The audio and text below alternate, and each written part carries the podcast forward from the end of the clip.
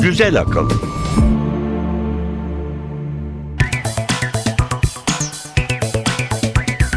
Merhaba, Güzel Akıl 30. bölümde beraberiz. Ben Elif Yılmaz. Ben Emre Üç kardeşler. Kısa bir tanıtımımız var önce gündemde neler var onu duyalım. Güzel akılda bu hafta.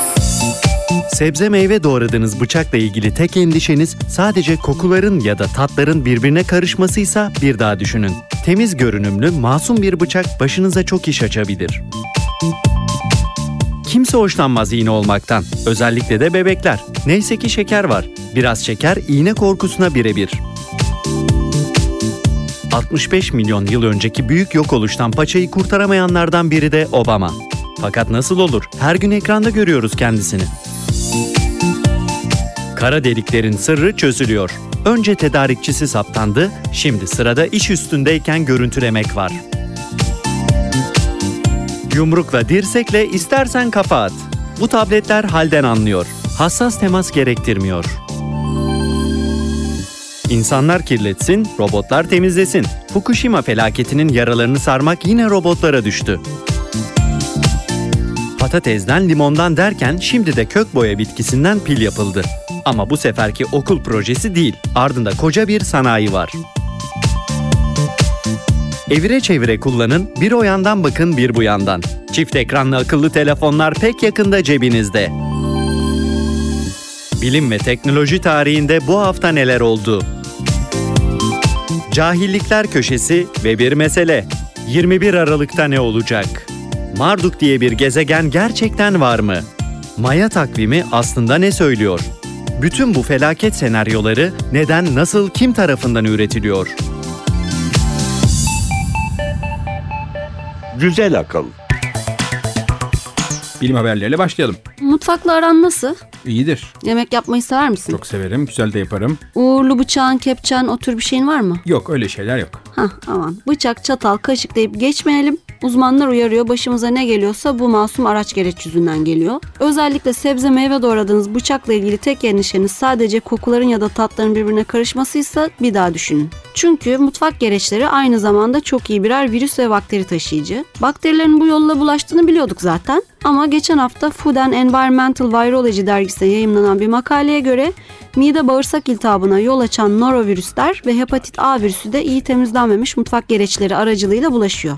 Georgia Üniversitesi Gıda Güvenliği Merkezi'nde yapılan araştırmada kavun, çilek, domates ve salatalık gibi meyve ve sebzelerden norovirüs ve hepatit A virüsü bulaşma olasılığı ölçüldü. Çilek ve salatalıktan daha fazla norovirüs geçişi gözlemlenirken kavun ve domates hepatit A virüsü bulaştırmada daha başarılı çıktı. Herkesin marifeti ayrı tabii.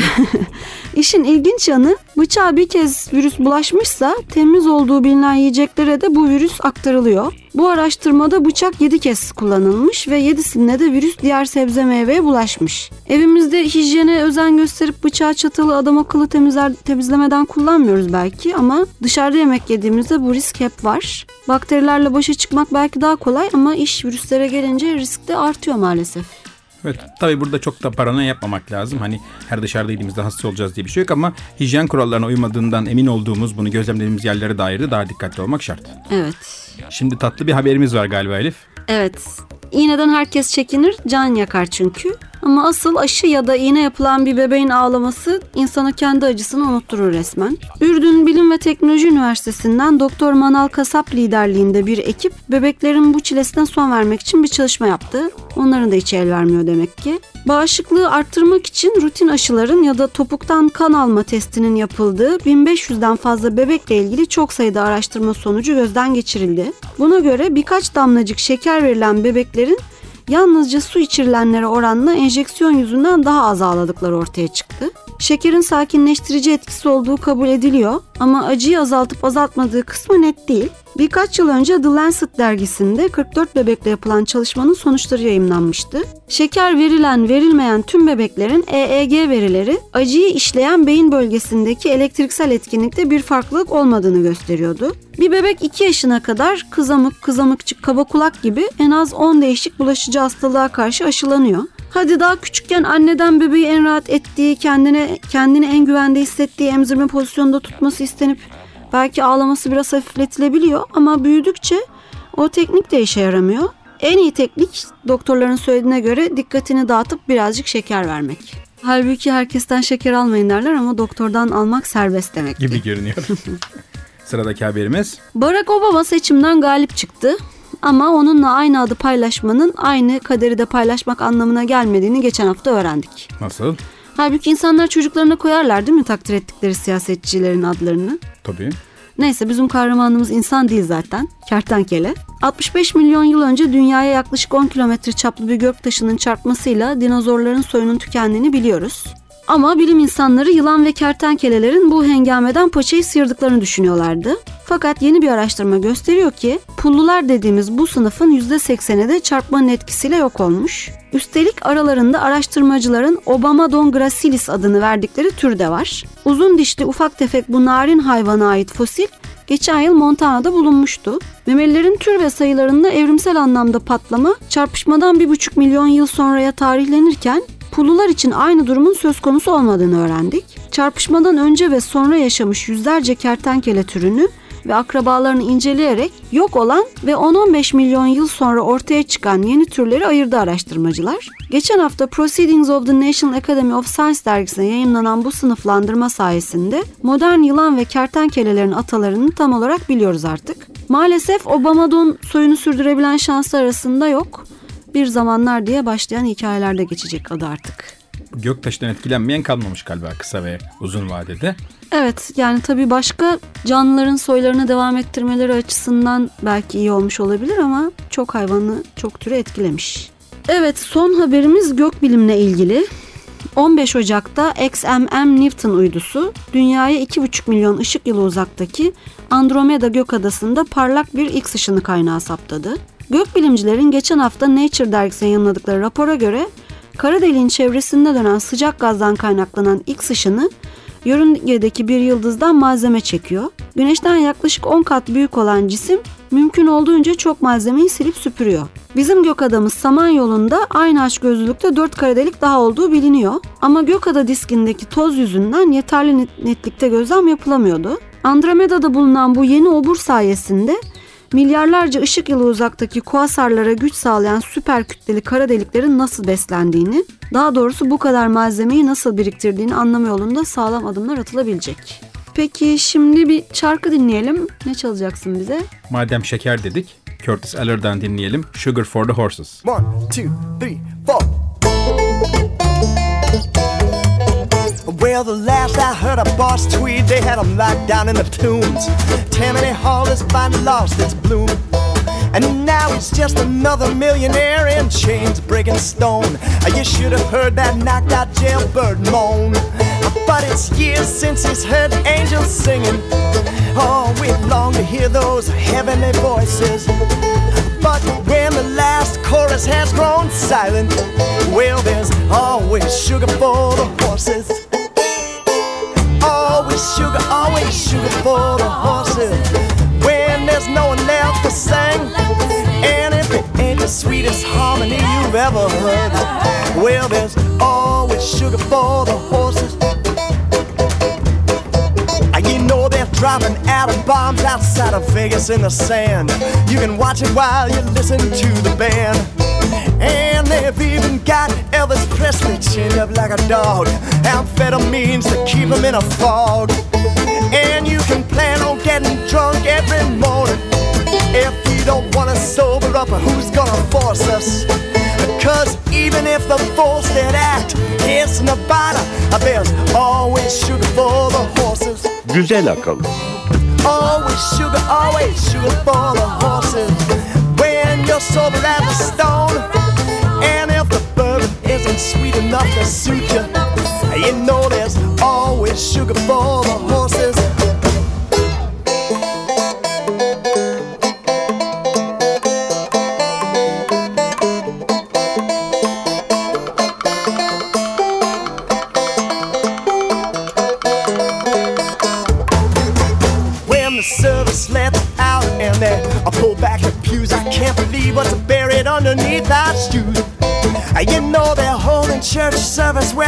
Fights used to be. I don't care if New York sinks into the sea.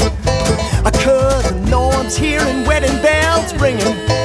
Just another year of funerals and divorces. But you can leave the whole town stranded at the altar, and there's always sugar for the horses.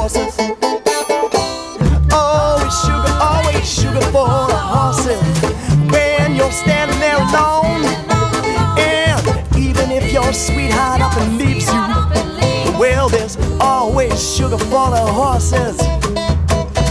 Always sugar. Güzel akıl. Teknoloji haberleriyle devam edelim. Her yeni teknoloji, her yeni cihaz farklı erişilebilirlik sorunlarını da beraberinde getiriyor. Bu bazen finansal, bazen de fiziksel erişilebilirlik olarak yaşanıyor. Pek çoğumuzun özellikle çocukların kolayca kullandığı tabletler, cep bilgisayarları, ellerini parmaklarını hassas olarak kullanamayan, kas erimesi, serebral palsi gibi kas sinir sistemi, motor kontrol bozuklukları olanlar için kullanımı çok zor cihazlar. Şimdi özellikle de çocukların tablet ve dokunmatik cihazları kullanmasını sağlayan yeni bir teknoloji geliştirildi. Georgia Teknoloji Üniversitesi mühendislerinden Hayana Howard ve ekibinin ürettiği cihaz, bir çocuğun koluna dirsek ile bilek arasında sarabildiği ya da tekerlekli sandalyenin yan kısmına konabilen dikdörtgen bir yüzey olan dokunmatik bir pad. Bu pad kablosuz bir şekilde tablet bilgisayarı kumanda ediyor. Pad'in yüzeyine parmak yerine yumruk ya da bilekle dokunuyorsun ve farklı dokunma sertlikleri ve kombinasyonları normalde parmakla veya parmak kombinasyonlarla yapılan dokunma, kaydırma, seçme, iptal etme, yakınlaştırma, uzaklaştırma gibi işlemler yapmanı sağlıyor. İlk denemeler oldukça umut verici. Tabii bu tip cihazları sırf tabletler moda oldu diye geliştiriliyor diye düşünmemek lazım. Aksine engelliler, tekerlek sandalye kullanmak zorunda olanların yaşam kalitesini yükseltmek ve çalışmalarını da kolaylaştırmak için tabletler çok faydalı cihazlar. Evet çok güzel bir teknoloji gerçekten bravo. Evet ikinci haberimiz. İkinci haberimiz tabii ki robotlar. Vazgeçmeyeceksin. Evet, bu sefer nükleer santral tamirinde kullanılan bir robottan bahsedeceğim. Mitsubishi firması malum kazadan beri arızalı olan Fukushima santralinin yüksek radyasyona dayanıklı ve santrali tamir etmekte kullanabilecek bir robot ki buna tank bot da deniyor. Bu tip bir robot geliştirdiğini açıkladı. Fukushima santralinde şu anda zaten radyasyona dayanıklı robotlar çalışıyor. Fakat bunlar aslında madencilik, endüstri gibi başka alanlar için geliştirilmiş ve büyük oranda uzaktan kumandayla çalışan robotlar. Gene de çok işe yarıyorlar. Mitsubishi'nin ürettiği robotun farkı ise doğrudan doğruya nükleer santral tamir etmek üzere geliştirilmiş bir robot olması. Ve işin güzel yanı sadece mekanik yapısı itibariyle değil, işletim sistemiyle mantık yürütme, karar alma hatta doğaçlama yeteneği bu nükleer santrali tamir etmek üzere programlanmış bir robot olması. Dolayısıyla işin mekanik kısmından çok aslında yapay zeka kısmı heyecan uyandırmış durumda. Tabi robotun radyoaktiviteyle yüklü erimiş, parçalanmış yıkıntıların, kabloların, betonların, devrelerin arasında neyin ne olduğunu anlaması gerekiyor. İşlemleri doğru sıraya koyması ve bunları yaparken de kolay kolay bozulmaması lazım. Çünkü bozulduğu zaman içeri girip tamir etmek mümkün değil. Ya ona bir şey olmayacak değil mi? Olmamalı. Ha, bence de. Ya da tam bozulacağını anlayınca zaten belli bir istasyona Kaçmalı. geri gelmesi lazım. Evet öyle planlıyorlar. Eyvah bozuluyorum. Sırada yeşil bir haberimiz var. Çevreci güzel. Evet enerji hakkında. Lityum iyon pilleri kullanmadığımız yer yok. Pek çok elektronik cihaz onlarla çalışıyor. Piller her ne kadar müthiş cihazlar olsa da hem üretim süreçleri hem kullanım sonrası etkileri ekolojik olarak çok zararlı. Pilleri daha çevre dostu hale getirmek için pek çok çalışma var. Bunlardan birinde de bu lityum iyon pil elektrotlarında kullanılan kobalttan nasıl vazgeçebiliriz sorusu sorulmuş.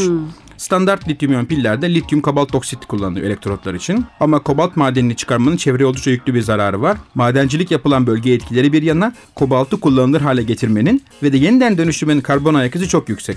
1 kilowatt saat lityum iyon elektriği için 70 kilogram karbondioksitin atmosfere salındığı hesaplanıyor. Araştırmacılar kobalt yerine kullanılacak bir bitkisel madde buldular. Ki biz bu bitkiye kök boyası adını vermişiz Türkçe'de. Bu kökten elde edilen purpurin adlı madde elektronların kolayca aktığı elektrotlar üretmek için lityum tiziyle çok uyumlu özelliklere sahip ve birkaç yıl içinde purpurin ile hazırlanmış elektrotların kobalta alternatif olarak hızlı bir şekilde kullanılacağı düşünülüyor.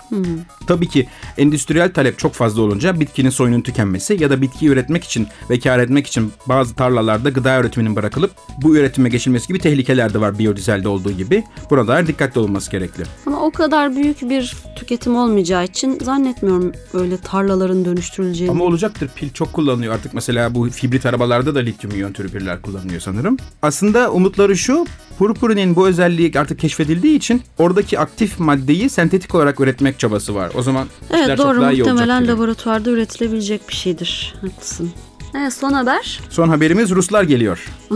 robotlardan sonra. Robotlardan sonra Ruslar da geliyor. Evet telefon yarışına yeni bir oyuncu giriyor. Kore, Amerika Birleşik Devletleri, Kanada, Çin ve Tayvan'ın domine ettiği cep telefonu akıllı telefon pazarına Rus şirket olan Yota'nın da katıldığını öğrendik. Daha çok modem ve routerlarıyla bilinen Yota yeni telefonunu Şubat ayında satışa çıkaracağını duyurdu. Android tabanlı bu telefonun en büyük özelliği ise iki ekran olması. Bir ekranı bildiğimiz yüksek çözünürlükte LCD, öteki ise elektronik mürekkep denen ekran. Elektronik mürekkep ekranlar LCD'ler gibi çok hızlı ve çok renkli görüntüler üretmiyor ama e-kitap, e-dergi gibi metin temelli uygulamalar için çok elverişliler. Daha yumuşak bir ışık ve kontrastları var. Dolayısıyla uzun süre okumaları daha kolay ve çok daha az enerji harcıyorlar. Ve de şu tarafı da ilginç, pil bitse bile son görüntü ekranda kalıyor bir kağıtta olduğu gibi. Ha, hangi sayfada kalmıştım? Evet, o yüzden e-mürekkep deniyor buna. Tabii ki bu iki ekranlı telefon özel uygulamalara ihtiyaç var ve bir kısmı zaten geliştirilmiş. Sektör bu ürüne yönelik tahminlerde ikiye bölünmüş durumda. Kimileri evet bu cihaz ilgi çeker popüler olur diyor. Kimileri de daha önceki iki ekranlı iki klavyeli cihazların çok çok da başarılı olmamasına bakarak evet ilginç ama çok da popüler olmaz. Yeni bir oyuncunun artık piyasaya girmesi biraz zor diye tahmin ediyorlar. Göreceğiz. Yota aslında bir yıl önce bu telefonu piyasaya sunmayı planlıyordu ama ancak yetiştirmişler. Şimdi teknoloji haberlerimizin de sonuna geldiğimize göre sen bize bir şarkı daha çalarsın. Telefonlardan bu kadar bahsetmişken Martino De Villa'nın neşeli bir şarkısını dinleyelim. Bello Telefone. O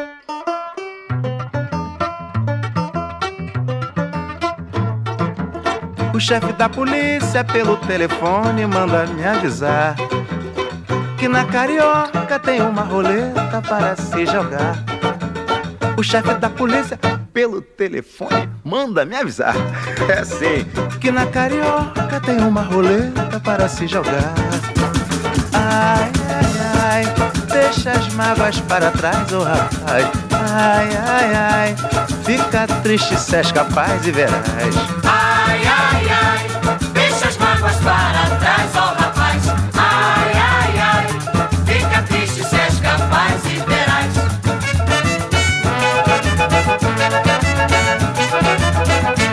Tomara que tu apanhes pra nunca mais fazer isso.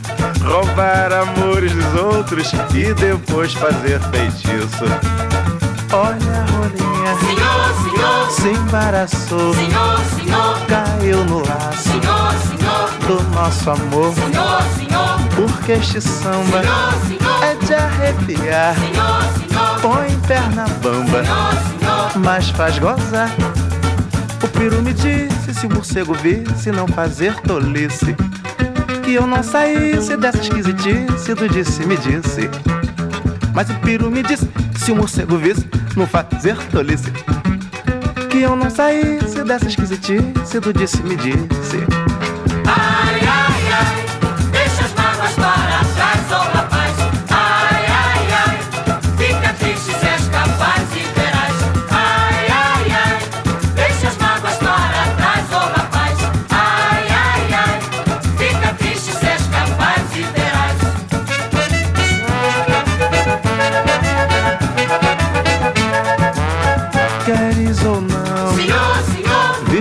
cordão, senhor, senhor, ser folião senhor, senhor, de coração. senhor, senhor, Porque este samba senhor, é de arrepiar. senhor, senhor, Põe perna bamba, senhor, senhor. mas faz gozar.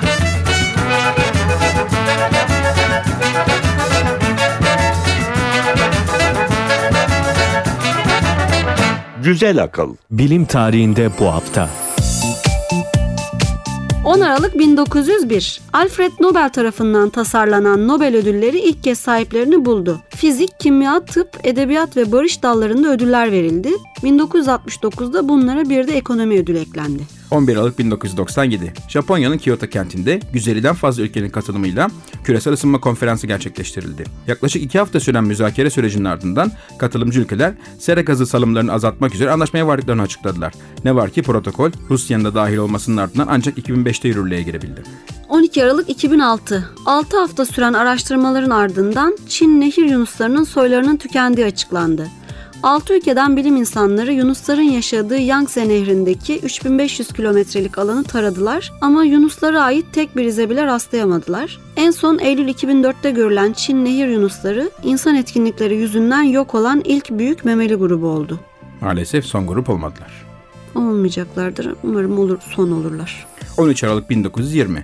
İlk kez bir yıldızın kütlesi hesaplandı. Arizona Tucson'daki Kitt Peak Ulusal Gözleme'de çalışan gökbilimciler bir radyo teleskop yardımıyla avcı takım yıldızında yer alan kırmızı dev Betelgeuse'un kütlesini güneşinkinin 15 katı olarak hesapladılar. 14 Aralık 1962.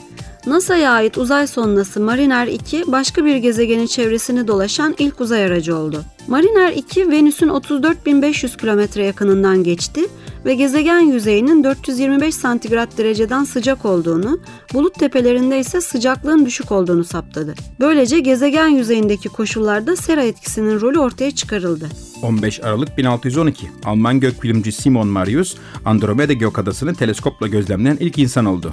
Mundus Labialis adlı kitabının ön sözünde gökadayı boynuzlar arasında görülen mum alevine benzetmişti. 16 Aralık 1954 ilk yapay elmas General Electric araştırma laboratuvarlarında Profesör Tracy Hall tarafından üretildi. Şimdi sırada cahillikler köşesi var onu dinleyelim.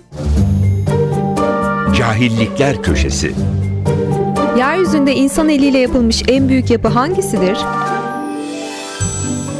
Yanlış cevaplar arasında piramitler, Çin Seddi ve Kuveyt'teki Mübarek El Kebir Kulesi sayılabilir. Doğru cevapsa New York'taki Fresh Kiss adlı çöplüktür. Staten Island'da 1948 yılında açılan çöp depolama alanı çok geçmeden insanlık tarihindeki en büyük projelerden biri haline geldi ve Çin Seddi'ni bile geride bırakarak dünyada insan eliyle yapılan en büyük yapı oldu. Yüz ölçümü 12 kilometre kare olan çöplüğün en yüksek noktası Özgürlük heykelinden 25 metre daha yüksek.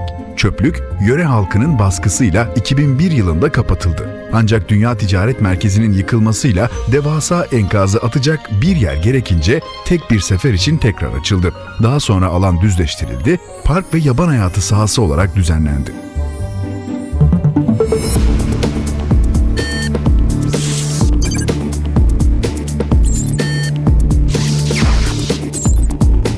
Güzel Akıl devam ediyor. Portre köşemize geçmeden önce James Galway'den kısa bir bah yorumu dinleyelim.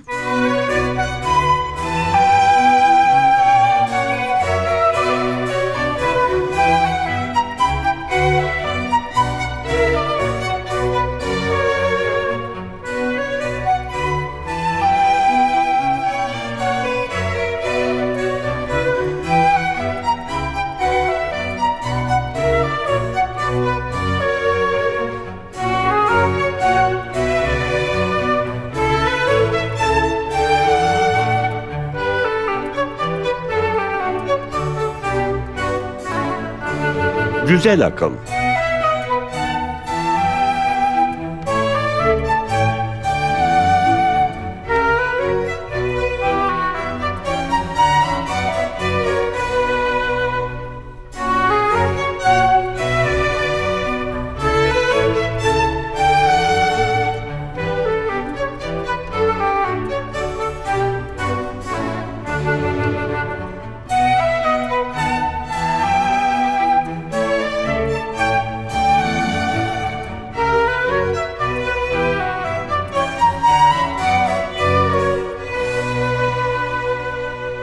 Güzel Akıl Bu hafta portre bölümümüzde bir değişiklik yaptık. 21 Aralık felaket senaryoları ortalığı kasıp kavururken işin aslını bir uzmana soralım istedik. İzmir Özel Türk Koleji Gezegen Evi'nden uzman gökbilimci Alper Ateş konuğumuz olacak. Merhaba Alper. Merhabalar. Şimdi sana bir sorumuz var. 21 Aralık yaklaşıyor. Şunun şurasında 5 günümüz kaldı. Bir takım felaket senaryoları ortalıkta dolaşıyor. Marduk diye bir gezegen dünyaya çarpacak. Gezegenler aynı hizaya gelecek. Güneşte çok şiddetli fırtınalar olacak. Eksen ya da kutup kayması gerçekleşecek diyenler var. Aklı başında insanları çok etkilemiyordur diye tahmin ediyorum ama medyada o kadar çok yer alıyor ki sormadan geçmeyelim dedik biz de. 21 Aralık'ta dünya yok olacak mı ya da bu söylenenler gerçekleşecek mi? Etkileri ne olacak? Senden dinleyelim.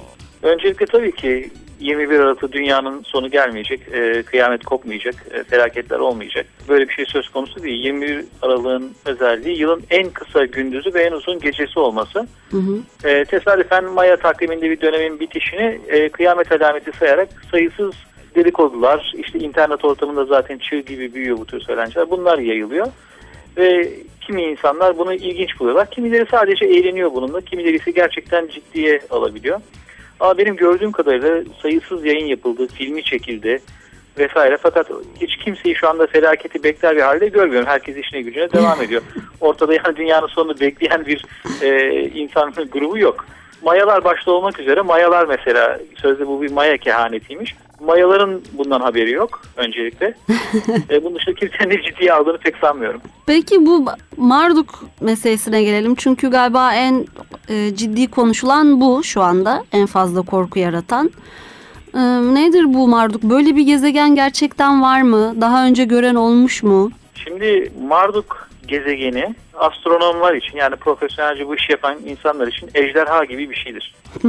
Şöyle söyleyeyim, e, dinozor denince dinozoru herkes biliyor çünkü fosilleri var, kanıtları var, efendim T-Rex var, Oviraptor var, çeşit çeşit dinozorlar var ve bunun var olduğunu biliyoruz. Benzer şekilde astronomlar için Jüpiter diye, Satürn diye bir gezegen var. E, bunları da görüyoruz, biliyoruz. Ama örneğin ateş saçan ejderha diye bir şey yok. Olduğunu da hiç sanmıyoruz. Bunlar efsanevi yaratıklar. İşte ağzından alevler saçan, uçan kocaman ejderhalar. Astronomide de Marduk böyle bir şey. Daha bu gezegeni gören yok. Elde herhangi bir gözlemsel veri yok. Fakat bazıları varlığına inanıyor. Tabii herkesi aynı şekilde aynı şeye inanmaya zorlayamazsınız. Herkes istediğine inanmakta serbest herhalde öyle değerlendiriyoruz. Ama şunu söyleyeyim astronomlar için Marduk diye bir gezegen bizim bildiğimiz güneş sisteminde yok. Yani E, bununla ilgili gözlemsel bir kanıt da yok. Dünyaya yaklaşan başka gök cisimleri var. Örneğin Karadeniz bölgesine e, bir şey düştü. Kimi zaman biz bunları fark ediyoruz. Otomatik teleskoplar var. Gökyüzünü sürekli tarıyorlar. Hareket eden veya parlaklığını değiştiren cisimleri e, hiç başında insan olmadan görüyorlar, e, kaydediyorlar e, vesaire. Uyarılarda bulunuyorlar. Bunlar, bunlar görmüyor. E, Akıllı fakat kimi kimseler işte geleceğini, işte büyük bir e, şey olduğunu, dünyanın işte ortadan ikiye yarılacağını vesaireyi uyduruyorlar. Bu çok sorumsuzca bir hareket. Evet Yani profesyonelden haberi olmayan bir şey bu şekilde yapmak hiç e, doğru değil. gerçekten öyle. Çünkü korkan insanlar var benim e, gördüğüm kadarıyla. En azından medyadan takip ettiğimiz kadarıyla. Mesela e, güneş sistemini çok uzun zamandır yani eski insanlar, eski Babiller örneğin çıplak gözle gezegenleri gözlemişler. Hı hı. İşte kayda kayıtları denen kil tabletler var. Bunların üzerinde bugünkü modern gözlem evleri gibi kayıtlar tuttuklarını görüyoruz. İşte Venüs gezegenini görmüşler, ayın yanındaymış vesaire. Hatta biz bunun tarihlerini bile çıkarabiliyoruz. Çok güzel e, gökyüzüyle ilgili kayıtlar tutmuşlar ama onların tuttukları kayıtlar daha çok mevsimsel değişiklikleri, işte selleri, taşkınları vesaireyi önceden tahmin edebilmek için yapılan e, gözlemler. İşte güneş nereden doğuyor, nereden batıyor, hangi mevsim gelecek bunları tahmin etmek için bu gözlemleri yapmışlar. Ve gezegenler hakkında çok çok fazla şey biliyoruz. Yani e, artık oralara araçlar gönderdik. E, Mars'a inen araç var Hı hı. yakınından uydularına vesaire. Fakat güneş sisteminde çözemediğimiz bir takım olaylar var. Örneğin işte Venüs'ün yavaş dönmesi, Uranüs'ün ekseni eğikliği vesaire gibi bunlar modern gökbilimin araştırma konuları. Ama bazen e, örneğin Velikovski gibi bir çılgın çıkıyor. İşte Çarpışan Dünyalar diye bir kitap e, yayınlıyor. Hı. Bu kitabı okuyanlar e, Velikovski'nin çılgın kuramları var. Efendim bir gezegen çıkmış gelmiş, güneş sistemini mahvetmiş. Efendim tam bu sırada Museviler Mısır'dan kaçarken Kızıldeniz ikiye ayrılmış da o gezegen yüzündenmiş. İşte çarpmış Venüs'ü yamultmuş vesaire. e, bunlar hiçbir bilimsel şeyi yok. Fakat insanlar bu tür senaryoları ilginç buluyorlar. Bir yakın zamanda tanrıların arabaları mesela. Von Uzaylılar gelmiş inmişler. Bunlar kesinlikle bilimsel değil. Bunlar hiçbiri bilimsel değil fakat büyük miktarda ilgi topluyorlar. Evet insanlar iyi düşünmektense herhalde kötüye meyletmeye daha meraklı. Peki e, gezegenler demişken bu gezegenlerin aynı hizaya geleceğiyle ilgili de bir takım söylentiler var. Bu zaten sanırım zaman zaman olan bir gök olayı. Tabii ki zaman zaman gezegenler sürekli hareket halinde. Hı hı. Zaman zaman e, yakın konumda olmaları şaşırtıcı değil. Çünkü sürekli hareket halindeler, yerleri değişiyor. Fakat bunun bize bir etkisi yok. Çünkü aradaki mesafeler çok büyük ve kaydedilir, hissedilebilir bir e, çekim etkisi yok. Bizi en çok etkileyen cisim Ay. Hı hı. Ayın etkilerini örneğin denizlerde görüyoruz, gelgitlerde. Hatta bizler pek fark etmiyoruz ama ay tepemizdeyken etrafımızdaki dağlar, tepeler bile yaklaşık bir 20-30 santim kadar yükseliyorlar. Tabii hep birlikte yükseldiğim için Ha, hissetmiyoruz. hissetmiyoruz. En çok etkisi olan ay. Onun da et- ne etki yaptığını gayet iyi biliyoruz. Bunun dışında gezegenlerin öncelikle 21 Aralık'ta bir hizaya dizilmiyorlar. Onu baştan Hı. söyleyeyim. Artık dizilseler de bir şey olmaz. Korkunç yok yani. Dizesinler de görelim. Peki güneşteki fırtınalar da zaten belli bir periyotla bildiğim kadarıyla şiddetleniyor. Ama o da sanırım yine 21 Aralık'ta en e, maksimuma çıktığı dönem değil. Şöyle güneş e, faaliyetleri değişkendir. Güneş çok çok ilginç e, bir gök cismi. Bizler işte gündüzün hava güneşli veya yağmurlu e, bu kadar şey yapıyoruz ama bu işe ömrünü veren insanlar, e, astrofizikçiler hemen burnumuzun dibindeki bir yıldızın nasıl çalıştığını inceliyorlar. Dünyanın dışından, atmosferin dışından gözlem yapan araçlar var. Bütün bunlar güneşle ilgili şaşırtıcı bilgiler veriyor. Öncelikle güneş sakin ve iyi huylu bir yıldız.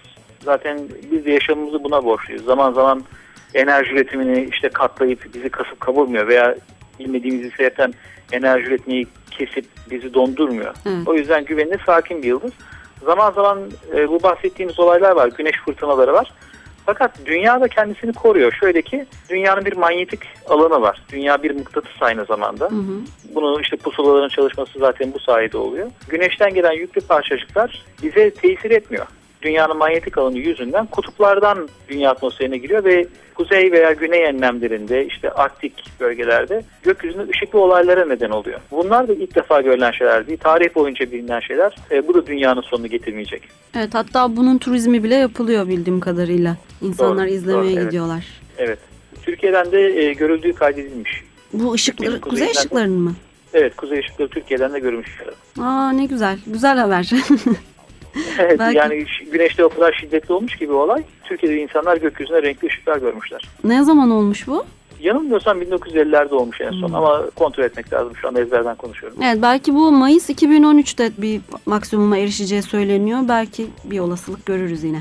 Eğer öyle bir şey olsa dünyanın sonu geliyor diye yataktan sonra çıkıp şehir ışıklarından uzak böyle harika bir doğa olayını izlemek lazım. Evet değil mi? Onu bahane Evet. edip. Peki şimdi Emre de sana bir soru soracak. Merhaba Alper. Merhabalar. Peki şunu merak ediyoruz bir de. Kim çıkartıyor bu söylentileri? Bu söylentiler iki sebepten çıkıyor. Birincisi hani yalan söyleyip ilgi çeken çocuklar vardı. Kimi insanlar bu motivasyonlarla bu söylentileri çıkartıyorlar.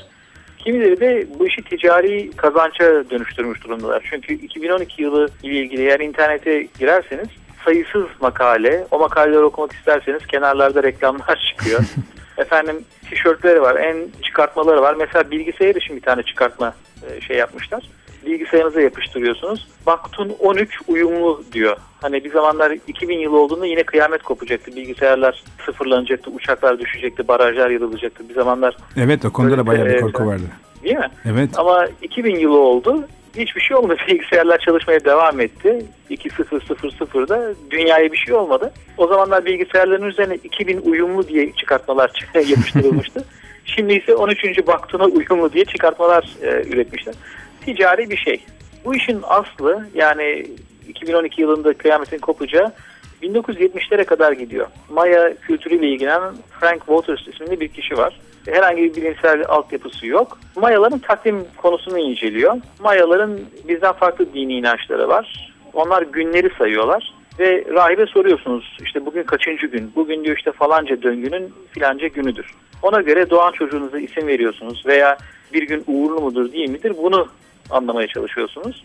İşte bunu sadece rahipler biliyor. Bu şekilde günleri sayıyorlar. Efendim uzun sayım denilen bir dönemin sonu 21 Aralık 2012'ye denk geliyormuş bizim takvimimize göre. Bu durumda hemen bunu Frank Waters bir kıyamet alameti olarak alıyor. Diyor ki Maya takviminde 13. döngünün sonu 13. döngü her neyse artık Hele bir de bilmiyorum, 13 günleri varsa tabii. Hiçbir bilimsel altyapısı yok. Sadece onların kültürleriyle, dini inançlarıyla ilgili bir şey. 21 Aralık 2012'ye denk geliyor diyor. 21 Aralık'ta yılın en kısa gündüzü, en uzun gecesi. Bu ikisi bir araya gelince bundan ne çıkartacağız? Dünyanın sonu geliyor herhalde. Bu konuyu diğer insanlar da ilginç buluyorlar. Tabii ki hiçbir bilim insanı değil, hiçbir akademisyen değil. Ve kendileri söyleyip kendileri dinliyorlar fakat tarih yaklaştıkça özellikle internetin yaygınlaşmasıyla bu söylentiler buna adanmış web sitelerine vesaireye dönüşüyor ve bir söylenti tabii ki Hollywood boş durmuyor. Bunun filmini yapıyor 2012'de dünyanın sonu gelecek diye. Böyle bir rüzgardır gidiyor. Sayısız kitap, yayın vesaire bu artık bir ticarete dönüştü. Evet bir sektör oluşmuş Ee, belli ki. Kesinlikle. 21 Aralık'tan sonra da göreceksiniz başka bir e, biz yanlış hesapladık. 2020 yılında belki bir şey olacak diyecekler. E, bunların sonu kesilmeyecek. 8-10 yılda bir çıkacak bunlar hazır olmak lazım aslında evet. Evet doğru. Mayaların böyle bir kehanette bulunması mümkün mü peki? Neye dayanarak e, mayalarla ilgili böyle bir tez atılmış ortaya. Neden mayalardan böyle bir şey bekleniyor? Öncelikle Mayalar çok i- ilginç bir kültür. Diğer toplumlardan oldukça farklılar. Mesela bir eski Yunan, eski Mısır'a baktığınız zaman e, Akdeniz'in etrafına yayılmış olan bu uygarlıklar birbirlerinden etkilenmişler. Hı hı. Ticaret yapmışlar, işte birbirlerinin heykel veya çömlek tarzlarını e, beğenmişler, uyarlamışlar vesaire bir kültür alışverişi olmuş eski dünyada yani Akdeniz'in çevresinde. Ama Mayalara baktığınız zaman Atlantik'in öte yakasında Orta Amerika'da sıkışmış kalmışlar. Kuzeylerinde çöl, güneylerinde yağmur ormanları, iki taraflarında e, okyanuslar, Pasifik ve Atlantik okyanusu. Eski dünya insanları gibi kültürel etkileşimde bulunamamışlar. Buna rağmen e, yaptıkları gerçekten hayranlık uyandırıcı. E, çok özgün bir kültür meydana getirmişler ve kaynakları kıt olan bir yerde madencilik konusunda e, ileri değiller kesinlikle. Taş aletler kullanıyorlar e, 1400'lere kadar. Dev binalar, efendim piramitler vesaire yapmışlar ve e, gerçekten hayranlık uyandıran bir kültür, hayranlık uyandıran bir toplum. Onları ilk fark eden İspanyollar Mayaların yaptıkları piramitleri gördüklerinde e, Diego de Landa diye bir e, rahip var. Kendisi ilk defa piramidi görüyor ve düştüğü notta bu piramide çıkarken insanın belini kıran 81 tane basamak var diyor. Hı. Halbuki Diego de Landa e, bu Maya piramidine dikkat etse dört tarafında e, üç tarafında 81 bir tarafında da 82 tane basamak olduğunu görecek. Yani toplam 365 ediyor. Ha, 365 Evet Mayalar belki madencilik evet bir yıldaki gün sayısı. Hı. Belki madencilikte ileri değillerdi. Efendim e, tekerleği kullanmayı bilmiyorlardı vesaire. Avrupalılar gibi ateşli silahlara sahip değillerdi ama kesinlikle Mayalar e, ne bileyim insan kurban ediyorlardı. E, Hristiyanlar bunu da görmüşler İspanyollar ve bu toplumu hızlı bir şekilde Hristiyan yapmamız lazım diye e, hareket etmişler. Fakat bunlara bakarak Mayaların işte zır cahili olduğunu söylemek mümkün değil. Örneğin güneşi izleyerek bir yılın 365 gün olduğunu bulmuşlar. Evet gökbilim taktikleri var. Hı, gökbilim konusunda bayağı ileridelermiş anladığımız kadarıyla değil mi? Ee, Çağdaşlarından. çıplak gözle yapılabilecek hemen hemen her şeyi yapmışlar. Örneğin Venüs gezegeninin ayın hareketlerini izlemişler. Ee, Çiçen İtse denen bir kentte e, bir gözlem evi var. Yani bir yapı var. Bu yapının pencereleri belli tarihlerde ayın, güneşin doğduğu yönlere doğru açılmış. Hı. Efendim piramidin örneğin bahsettiğimiz e, güneş piramidinin e, basamaklarının toplamının 365 olması da tesadüf değil. Hatta ve hatta yılın gece ve gündüz uzunlukları değişir gün boyunca Hı hı.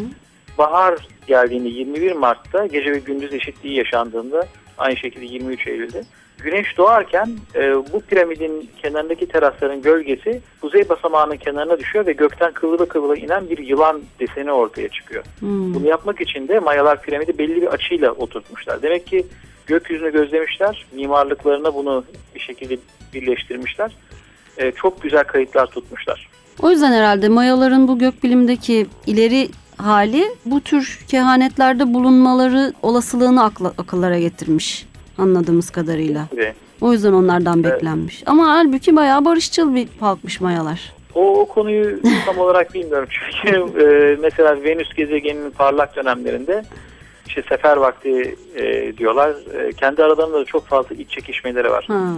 Şey yapıyorlar o ormanın içerisinde.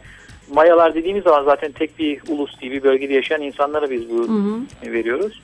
Çeşitli şeyler yapmışlar. Kendi işlerinde de onların da e, çekişmeleri olmuş. Fakat Mayaların çok güzel bir atasözü var. Ne E, diyor? in la keç Maya dilinde. In Herhalde doğru keç. telaffuz etmiyoruz ama evet in la keç e, anlamı da ben bir başka senim demek. Hmm.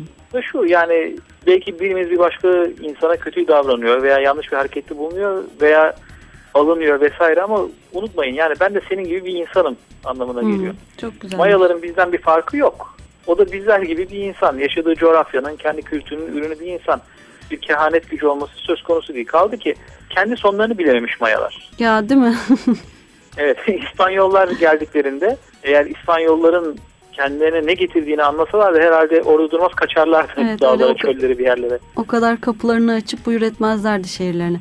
Peki çok teşekkür ediyoruz. Gerçekten çok e, aydınlatıcı oldu bizim için. Dinleyenler de bilgilenmiştir diye ümit ediyoruz. Ben de teşekkür ederim. Peki görüşmek üzere. Hoşçakal. Görüşmek üzere. Bu haftada programımızın sonuna geldik. Kapanış şarkımız 21 Aralık'ta olacaklardan korkanların için rahat atmak için Guy Davis'ten geliyor. Mama's Gonna Fix It Right. Hoşçakalın. Hoşçakalın. I'm gonna put on my brand new shoes. I'm gonna walk away from these blues.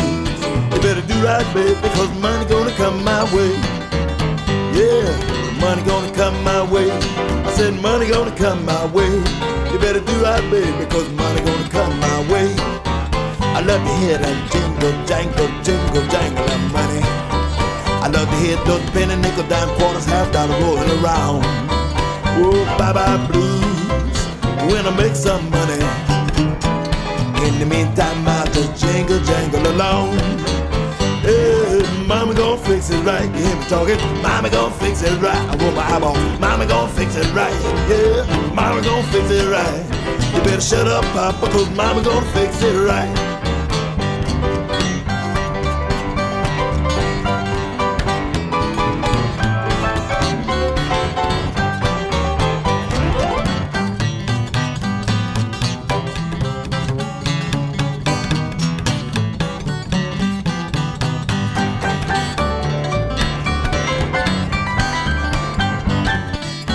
Güzel akıl.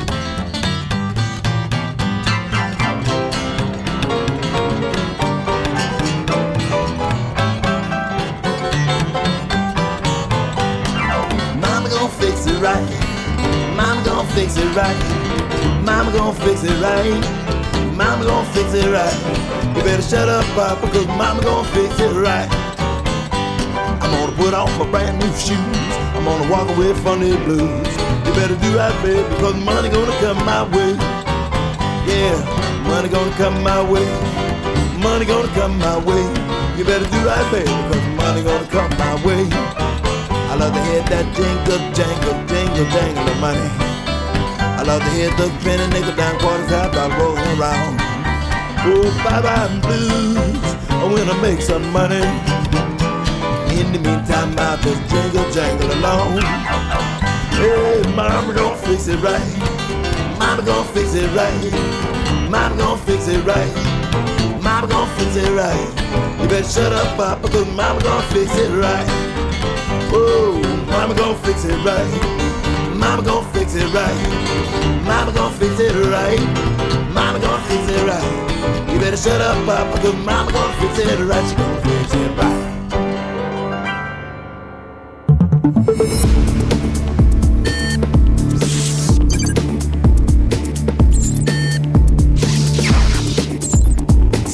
Güzel akıl sona erdi.